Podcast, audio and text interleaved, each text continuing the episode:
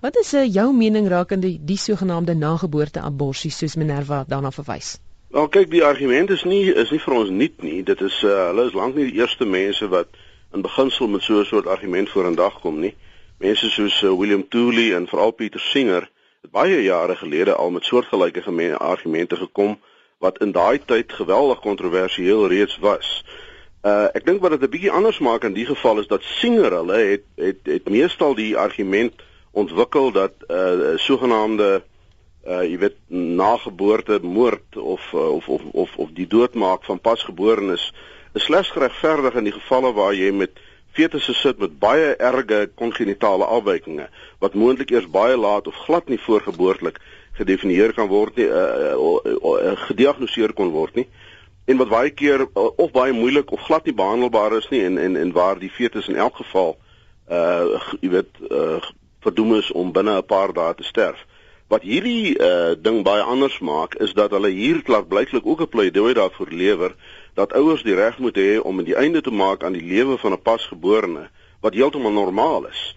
Uh die argument word selfs so ver gevoer om te sê uh dat dat dit is ook verkieslik om liewer die fetus die die pasgeborene dood te maak eerder as om die kind beskikbaar te stel vir vir aanneming want so lui hulle argument uh dit kan dalk wees dat om die kind op te gee vir aanneming groter uh ongelukkigheid in in in krisisse by die ouers kan veroorsaak as uh, as die doodmaak. En ek moet sê laasgenoemde vind ek 'n uh, 'n uh, uh, absoluut absurde argument.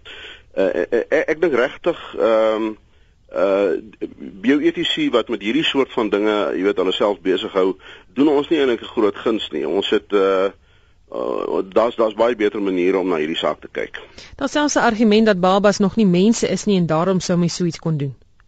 Uh wel, die die argument wat hier aangevoer word is dat uh, jy weet die die, die doodmaak van 'n uh, 'n menslike wese is in per se nie verkeerd nie. Wat wel verkeerd sou wees is die doodmaak van 'n persoon. En 'n persoon word dan bestempel as iemand wat nie noodwendig ook laat ek by sê beperk is tot die menslike uh, ras nie. Dit kan ook 'n jy weet 'n gevorderde dier wees van die primate of 'n walvis of 'n olifant of so.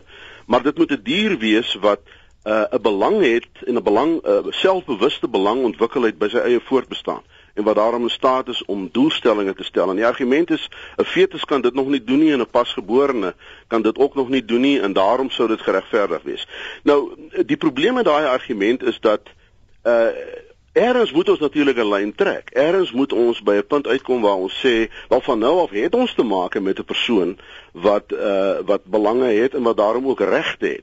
Ons weet in ons eie regstelsel in Suid-Afrika het 'n fetus geen regte nie. Jy word eers 'n volwaardige mens met regte en 'n persoon met regte die oomblik as die naaldstring geknip word. En ek persoonlik dink dit is 'n verstandige 'n beleid van die van die wetmakers in Suid-Afrika. Dit is natuurlik tegnies so dat daai datum kan dalk 2 uh, weke later of 2 weke vroeër kon wees. Waar hy ook al val, jy moet ergens 'n streep trek. En en ek dink in terme van die waardes van die gemeenskap waarin ons ons bevind, is die idee dat dat jy die oomblik as jy die naaldstrom geknip het, jy daarna te maak het met 'n volwaardige menslike persoon met regte. Ek dink dit is 'n verstandige beskouing. Ja, want ek wou nou net vir jou vra wat sou die implikasies wees op die samelewing as mense nou sou besluit om so iets toe te laat? Ja, wel ek bedoel dit, dit, dit uh, baie mense sal argumenteer dit is die begin van 'n van 'n proses waarin ons al hoe mak weet dit al hoe makliker dit sal vind om om mense net ligtelik dood te maak. Nou uh, kyk, die saak is gekompliseer. Daar uh, daar is baie ernstige en goeie argumente vir sê nou maar uh, aktiewe genade dood in situasies waar jy met erg lydende mense te maak het wat herhaaldelik daarom vra. Dit is 'n dit is 'n heeltemal 'n ander soort van argument waarteenoor ek self ook nie noodwendig onsimpatiek staan nie. Die punt is net hier het 'n mens te maak met potensieel doodgesonde babatjies wat doodnormale lewens sal kan lei en wat volwaardige mense is. Dit is nie nou meer soos in die res van die abortus debat 'n kwessie het jy hier met 'n volwaardige mens te maak nie. Jy het met 'n volwaardige mens te maak. Jy kan miskien nog argumenteer oor jy weet oor oor oor hulle verstandelike vermoëns hier en daar, maar jy het met 'n volwaardige mens te maak en ons uh, ons ons gemeenskap uh, en 'n waardestelsel wat universeel versprei is, uh verdra nie ligtelik die idee dat 'n mens 'n mens so uh, so onskuldige mens kan doodmaak nie. As as mens kyk na ongewenste swangerskappe, sou mens nou nie eerder sê dat daar 'n um, ander probleem is wat moet aangespreek word op 'n morele vlak in die samelewing nie. O sonder enige twyfel. Ek bedoel uh die die die feit dat ons heeltemal te veel swangerskappe het en so meer is 'n is is 'n voldonge feit, maar maar maar Susan, uh ook in terme van Suid-Afrikaanse wetgewing as jy met 'n ongewenste swangerskap sit, het jy die vryheid in uh, in in in die meeste liberale demokratieë se wetgewings om 'n abortus te ondergaan op 'n baie uh vroeë stadium van daai swangerskapsontwikkeling hiervan vanaf 6 weke en verder. Uh soos ek sê, dit is dit is nou nog vers 1 en dit is heeltemal in orde. Die kwessie waaroor dit in hierdie artikel gegaan het, is nie daai soort van situasies nie, maar 'n situasies waar jy met met uh fetusse sit wat die volle termyn gegaan het en met pasgebore kinders. Goed, die debat is nou begin, waant dink jy gaan hy gaan nou?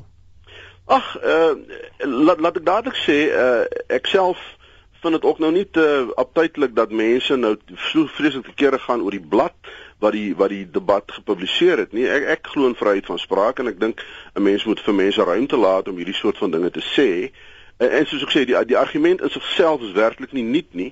Uh ek kan my goed voorstel dat daar baie heftige reaksies sal kom, maar ek sal baie baie sterk twyfel of of of hierdie soort van artikel enige wesenlike beleids uh uitwerking sal hê op openbare beleid enige plek in die wêreld.